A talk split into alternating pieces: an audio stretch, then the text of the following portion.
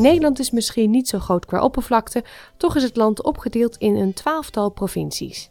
En ook al zit er slechts 300 kilometer tussen het noorden en het zuiden van het land, het verschil tussen de provincies is groot. In de podcastserie De 12 provinciën leren we de Nederlandse provincies beter kennen.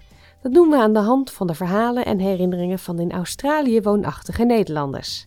Ik woon er niet meer, maar ik, ja, het is altijd wel een goed gevoel om weer in Zeeland uh, te zijn. Een leuke middenstand met leuke winkeltjes. En toch al mooie ruime stranden, wat je in de Randstad niet hebt. Ja, dat maakt mij wel uh, een trotse zeeuw je moet gewoon een Brabander zijn uh, om dat te kunnen begrijpen. Het is gewoon uh, altijd de, de Brabantse gezelligheid die er is.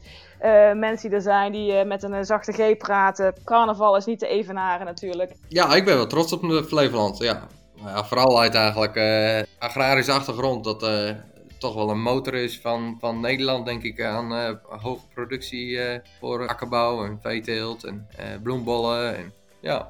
Friesland is, het zit in je hart. Ik denk dat je trots bent om een Fries te zijn als je nou ja, mensen die wonen houden van het scootjesielen.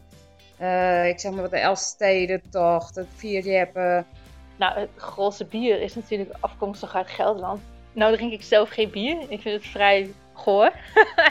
maar uh, ja, daar ben ik toch wel heel erg trots op. Uh, nou, ik vind dat wij uh, in Zuid-Holland hebben echt die mentaliteit van, dat, zeggen, dat noemen ze niet lullen, maar poetsen, zeg maar. We, we gaan gewoon gelijk aan de bak. We, hebben echt, uh, we houden van werken, zeg maar. En de directheid van de mensen, dat kan ik gewoon heel erg waarderen.